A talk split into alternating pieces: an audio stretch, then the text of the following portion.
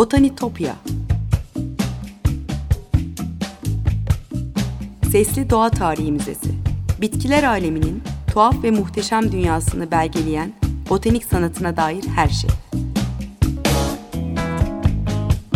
Hazırlayan ve sunan Benan Kapucu.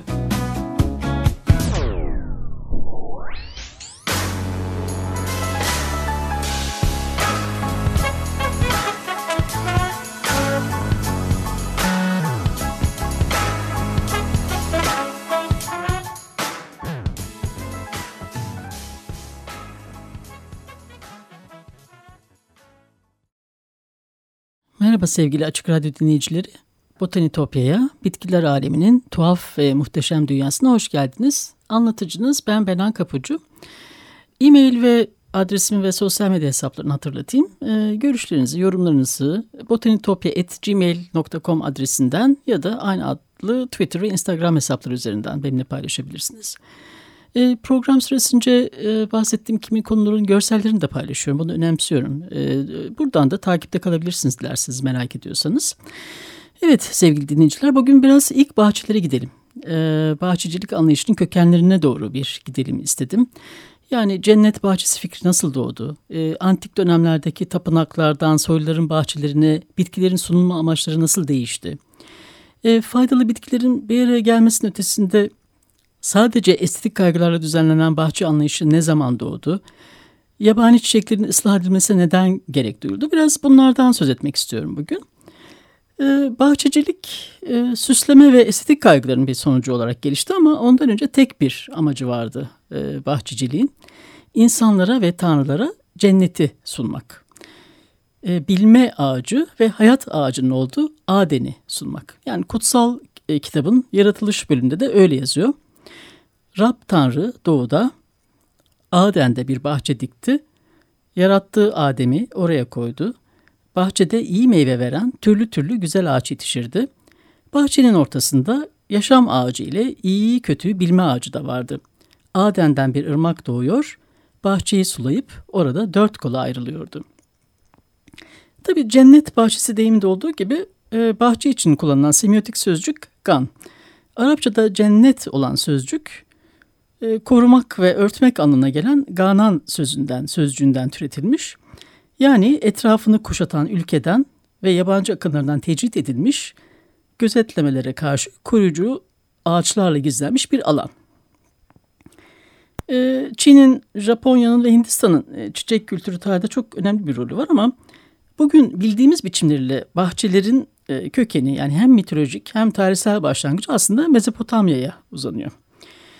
E, milattan önce 3000 yıllarında e, şehrinin meyvelikleri ve bahçelik, bahçeleriyle övünen e, efsanevi Uruk kralı Gılgamış'tan başlayarak bütün Mezopotamya kralları kurdukları kraliyet bahçelerinde sık sık törenler ve şölenler düzenlemişler. E, bu destanlardan da okuduğumuz kadarıyla o ağaçların gölgelediği iç avlularda da çiçekli bitkiler de vardır. E, tanrıları yüceltmek için meyve ve sebze yetiştirilen tapınak bahçelerinden de söz ediliyor. E, bin yıl sonra gelen Asur'da e, herkesin kullanımına açık büyük bahçelerin olduğunu, e, Nimrut'ta bir bahçeyi sulamak için kanallar yoluyla dağdan su getirildiğini biliyoruz. E, asmaların yanı sıra işte elmalar, armutlar, e, ayva ve e, badem ağaçları, selvi ağaçları da vardır. E, tabii o bölgenin yerli türlerinin yanı sıra e, savaş amacıyla askeri seferler sırasında e, gidilen ülkelerden getirilen e, fideler ya da tohumlar da dikilmiştir bu bahçelere ekilmiştir ya da e, işte şeyden e, başka diyarlardan getirilen çiçekli bitkiler ve çalılar da vardır. E, Kral Asurbanipal ve kraliçesinin Ninova'da bulunan e, meşhur kapartması e, onları bahçede akşam yemeği yerken gösteriyor. Etrafı çevreleyen duvarlar tabi toplumun hiyerarşik karakterini de örnekliyor. Bu korunaklı alanlar e, egzotik türlerin toplanma alanıydı. Aslında ilk botanik bahçeleri olduğunda söyleyebiliriz bu korunaklı alanların. Çünkü burada e, yeni ortama uyum sağlaması için egzotik türler de getirilmiş. Önce bu bahçeye getiriliyor. Sonra o iklime, o koşullara uyum sağlaması için ıslah edilerek daha sonra çoğaltılıp yaygınlaştırılıyordu. E, ve bu bahçelerde e, lotus gibi hoş kokulu bitkiler de yetiştiriliyordu. İşte vücut yağları, parfümler üretiliyor ve çiçekler de ekiliyordu. E, ve tabii efsanevi Babil bahçeleri var. E, ilk çağın bahçeleri arasında. E, yine tabii kutsal kitaptaki cennet kavramı aslında Asur ve Babil bahçelerine dayanıyor. E, 7. yüzyılda 43 yıl hüküm süren Babil kralı 2. Nebukadnezar aslında e, Sıla özlemi çeken Pers kökenli karısı için kurmuş bu bahçeleri. E, Yunan tarihçi Diodorus ya, Babil'i dünyanın yedi harikasından biri olarak kabul etmiş ama Babil bahçelerinin gerçekte var olup olmadığını bilmiyoruz. E, Diodorus gibi bir diğer Yunan tarihçi Strabon da e, bitkilerle örtülü işte basamak basamak yükselen taraçaları tasvir ediyor kimi yazılarında. E, ulu ağaçları, cenneti sembolize eden bir süs bahçesi ve güçlü iktidar ve servetin bolluğunu gösteren görkemli asma, asma bahçeler vardır e, Babil'de. Tabi Babil efsanesi birçok sanat eserine de ilham vermiş bir efsane. E, görsel için sizde Twitter'da aslında Peter Bruegel'in bir tablosunu paylaşacağım. Ona benzer birçok e, Babil'den esinlenmiş sanat eseri var aslında. E, buradan da aslında o hayal edilen dünyayı e, görebilirsiniz. Özellikle e, Bruegel'in tablosunda gerçekten çok enteresan ayrıntılar da vardır. Mısır'da bize bahçelerle ilgili çok eski bir geleneği devrediyor. Tabi sadece din, eğlenme ve dinlenme amaçlı değil Mısır'da bahçeler. Bu bahçelerde şarap da yapılıyordu. Meyve, sebze ve papyrus da üretiliyordu. E, Mezopotamya'da olduğu gibi Mısır'da da şehirler ya da kurak çöllerde yaşayanlar için gıda tedarik etmeye yönelik sebze bahçeleri de kurulmuş. E, tabii yüksek duvarlarla çevrili birer bahçesi olan kır evleri de ortaya çıkmış. E, bu kır evlerinde çölün kumlarından, işte Nil'in her yıl yükselen sularından ve davetsiz misafirlerden korunmaya sağlayan yüksek bir çevre duvarı da vardır. O, e, bahçeyi çevreleyen bir duvar vardır. E, dikdörtgen bir havuz ve tabii düzgün bir plana göre dikilmiş ağaçlar vardır. Aslında bu bahçeler daha sonra yüzyıllar boyu sürecek olan bahçe tipolojisinde ilk örneğini oluşturduğunu söyleyebiliriz.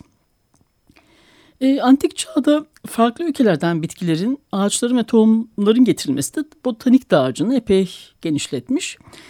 E, ilk programda da bahsetmiştim. Yani bir, bir e, bitkilerin yolculuğuna dair en eski tanıklık Mısır'a ait. E, 15. yüzyılda Mısır firavunu, firavunu Hatshepsut e, kendisine buhur ağaçları getirmesi için Prens Nehasi'yi Punt ülkesine göndermeye karar vermiş. E, keşif heyeti Deyrül Bahri Sarayı'ndan tekneyle ayrılmış. Nil'in kaynağına doğru çıkmış. Sonra Kızıldeniz'i geçip Aden körfezine ulaşmış.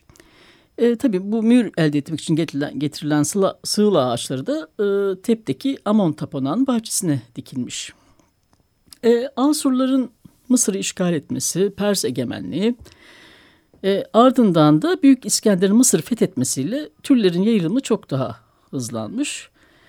E, Perslerin gelişine kadar Mısırlılarda az sayıda bahçe çiçeği vardır. Yani Hint lotusu gibi e, çiçekler henüz ortalıkta yoktur.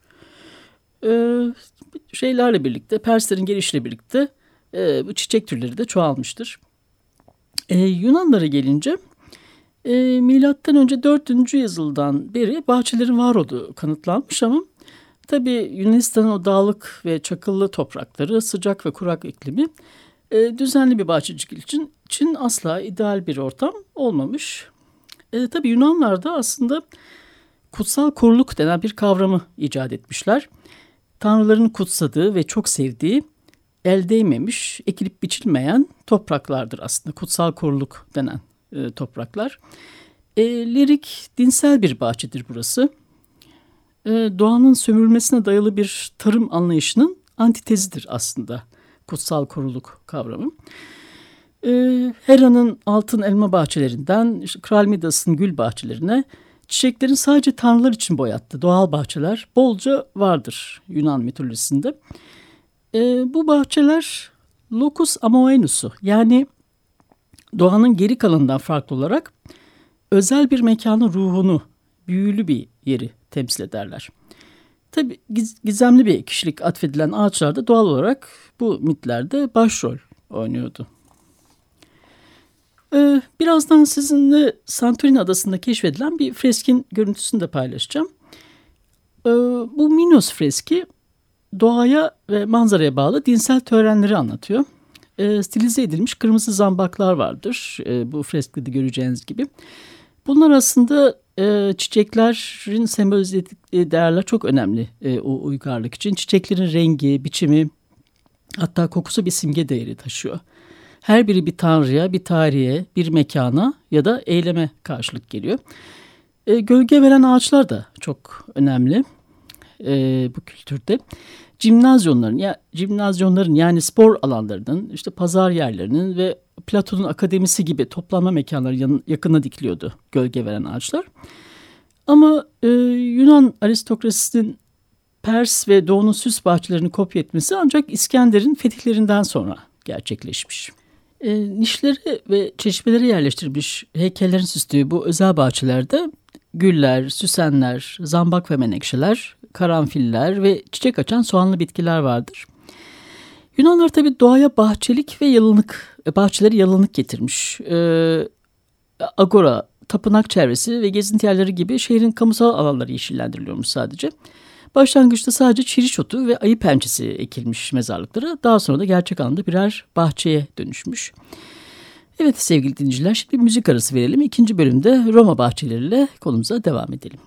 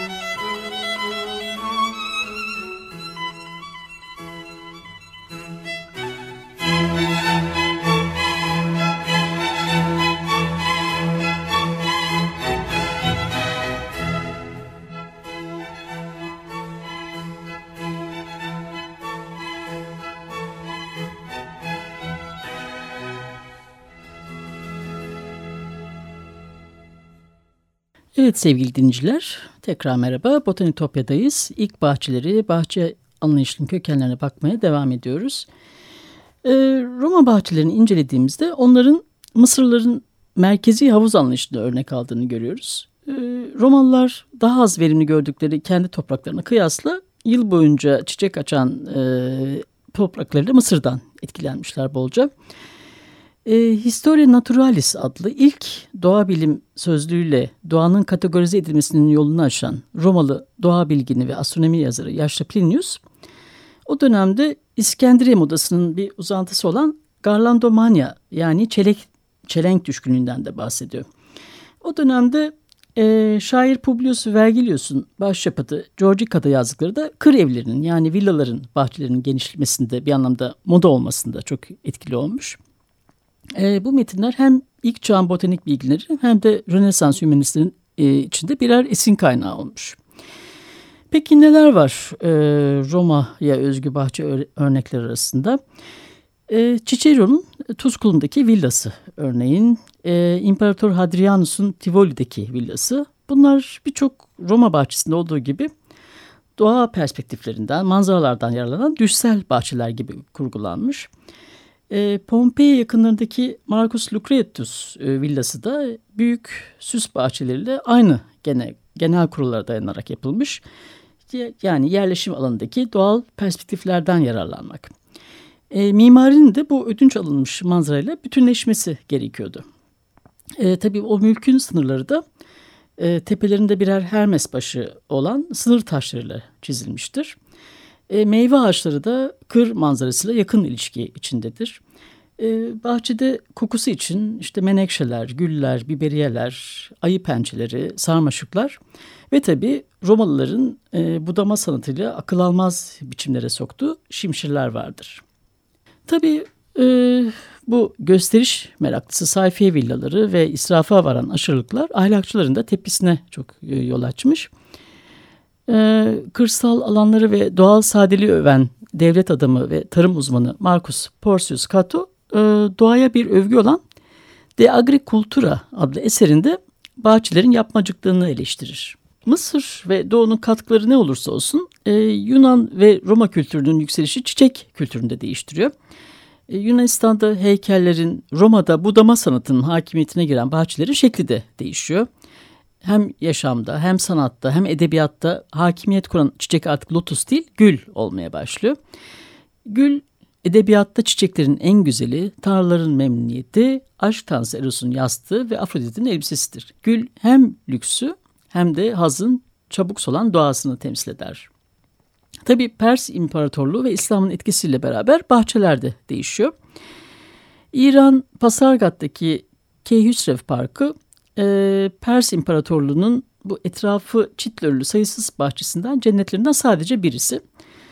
Geometrik bir plana göre inşa edilmiş bu park. E, resmi sarayla özel konutu birleştiren dört tarafı açık yapılardan oluşmuş. E, bahçelerde kesme taştan suyu taşıyan kanallar da vardır. Ayrıca işte ağaç, çalı ve yeşillikleri dikili olduğu küçük kar, kare alanlar da ayrılmış. Ee, burada dam köşkü işlevi gören pavyonlar da var. Hükümdarın aslında bu pavyonlar hükümdarın evcilleştirilmiş bir doğaya egemen olmasını da sembolize ediyor. Yani aslında kendi krallığını, halkını gözetleyebileceği yani simgesel anlamıyla alanlar olarak kurgulanmış. Ee, Arap akınlarının Pers İmparatorluğu'nu yenip İslamiyet'in 7. yüzyılda yayılmasıyla beraber e, bu tür bahçeler de yayılmaya başlar. E, Arap dünyası e, çöl ikliminden sonra peygamberin halka vaat etmiş olduğu cenneti de böylece dünya üzerinde bulmuş olur. Bolca gölgelikler, işte meyveler, pınarlar ve nar ağaçları vardır bu yeni topraklarda. Yani yaşamı ve umudu müjdeleyen görkemli ve yemyeşil bir cennet vardır. E, tabii daha önce bahsettiğim dört bölümlü bir düzen vardır bu bahçelerde. E, dört rakamının simgesel anlamı çok eskileri uzanıyor. Birçok kültür içinde benzer anlamlar yükleniyor. E, ateş, hava, toprak, su gibi dört kutsal öğeyi, yani dört elementi anlatıyor aslında dört rakamı. İlk çağın Perslerine göre bir haç dünyayı dört bölüm ayırır. Merkezinde de bir kaynak bulunur. E, Mezopotamya'nın doğal yaşamları da e, yaşam alanlarında dörde bölünmüştür ve merkezde bir bina yükselir. E, Budist ikonografisinde de sonsuz yaşamı ve bereketi temsil etmek için dört kollu bir nehir şeklinde bir ana motif vardır ve o motif yinelenir o ikonografide. Öte yandan e, İslam bahçelerinde de dörtlü bir düzen vardır. E, bahçenin yani Çaharbağ'ın merkezinde bir şadırvan vardır İslam bahçelerinde ve avlularında. Bu tipin yani bu e, tipolojinin kökeni işte bu anlayışa ve dörtlü düzene temellenir. E, bu tür avlulara hem basit evlerde, hanlarda, çarşılarda, camilerde ya da medreselerde hem de halifenin sarayında rastlanıyordu. Son derece yaygın bir plan. E, aslında e, özünde tanrı vergisi olan suyu merkeze e, alıyordu. Bu e, kapalı mekanın ortasına alıyor tanrı vergisi suyu. Ve mekanın birliğini, düzenini ve dinginliğini ifade ediyor. İslam bahçesi hemen hemen her zaman dikdörtgen biçimde duvarlarla çevrilidir. E, ve tabii bu keskin geometride ağaçlar e, ve alçak e, bitkiler yumuşatır. E, Yunanlar ve Romalılar gibi Araplar da mekanın atmosferini, yüklendiği sembolik alanları çok önemseyen bir kültür. Tabii bu duyarlılık e, mimarinin dayattığı fiziksel sınırları da aşmalarını sağlıyor. Bu bahçe geleneği e, Moğollardan Mağripleri yani coğrafi olarak birbirinden çok uzak olan ama Müslümanlıkta birleşmiş, birleşmiş olan birçok halk tarafından da benimseniyor. E, şimdi sizinle 16. yüzyıla bir İran minyatürünü paylaşacağım. E, bu minyatür çok eski bir geleneği anlatıyor. Minyatürde e, Keyhüsrev'in bahçelerini kendisinin tasarladığını, çalışmalarını takip ettiğini hatta bahçıvanlarla birlikte e, çalıştığını e, an, e, anlıyoruz. E, Semerkant'ta yaşayan genç Babür e, kendi kurduğu bahçelerin ayrıntılı, tas, ayrıntılı tasvirlerini de bırakmış. E, bir resimde Babür bahçıvanlarına emir verirken görülüyor. E, etrafı çevrili olan bahçede dört çiçek ve bitki tahrı e, geleneksel geometrik şemaya göre yerden yükseltilmiş ve sulama kanalları birbirinden ayrılmış. E, Avrupa'daki ilk İslam bahçeleri de 8. yüzyılda İspanya'nın güneyi ve kuzeydoğusunun Araplar tarafından fethedildiği dönemde ortaya çıkmış. E, tabii fatihler süs bahçeleri kurmakla yetinmemişler. Engin botanik bilgilerini de beraberlerinde getirmişler. E, Granada'daki Elhamra Sarayı'nı ve Cenetül Arif'i biliyorsunuz. Bunlar e, mağrip kültür mirasının en göz kamaştırıcı bahçeleri arasında. Bugün de ilgi çekmeye devam ediyorlar ve tabii gerçek birer cennet manzarası sunuyorlar. İşte o dönemde e, botanikçi Malekalı ya da Malagalı İbnül Baytar Orta Çağ'da e, botanik bilimini etkileyen insanların başında geliyor. Asıl adı Abdullah bin Ahmet el Maliki yani babası Baytar olduğu için İbni Baytar lakabıyla ünlenmiş. E, İbni Baytar e, tıp, eczacılık ve botanik alanında çalışmalar yapmış. Daha 20 yaşına gelmeden e, Malagalı botanikçi Ebu Abbas El Nebati'den botanik dersleri almış. Sonra hocasıyla birlikte İspanya'da ve İspanya yakınlarında bitki örnekleri toplamaya başlamış.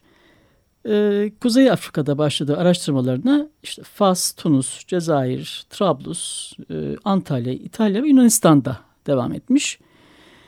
E, tüm bu gezip gördüğü yerdeki bitkileri de e, yetiştiği beldeyi de toprağı da incelemiş ve sonra tüm bu botanik bilgilerini derleyip sınıflandırdığı büyük bir eser ortaya çıkarmış. Kitap el Camii el Adviye el Müfreda yani Latince'ye de çevrilmiş ve 19. yüzyıla kadar Avrupa'da kullanılmaya devam etmiş. Eserde yaklaşık 300'ü tamamen kendi keşfi olan 1400 farklı bitki ve ilacın ansiklopedik tanım ve tarifleri de yer, yer alıyor. Tabi Araplar ilk can bilimsel mirasını tercüme etmiş. Ee, Asya ve Afrika'dan bitkiler ve tohumlar da getirmişler. Ee, Müslümanlar Hristiyan arasındaki düşmanlık ve savaşlara rağmen bu gelenek yavaş yavaş e, Orta Çağ Avrupa'sına da yayılmış.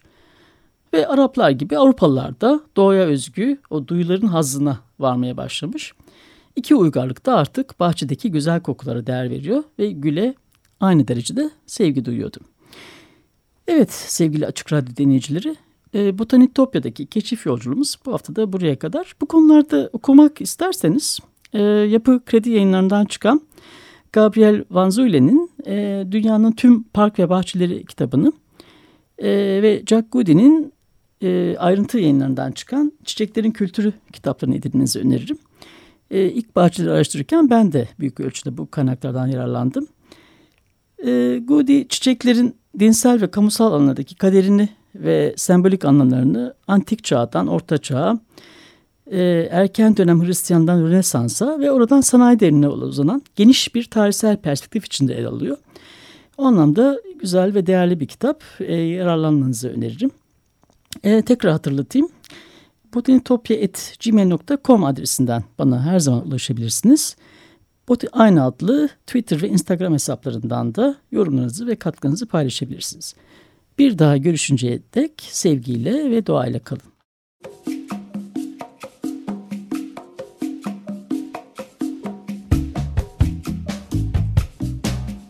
Botanitopya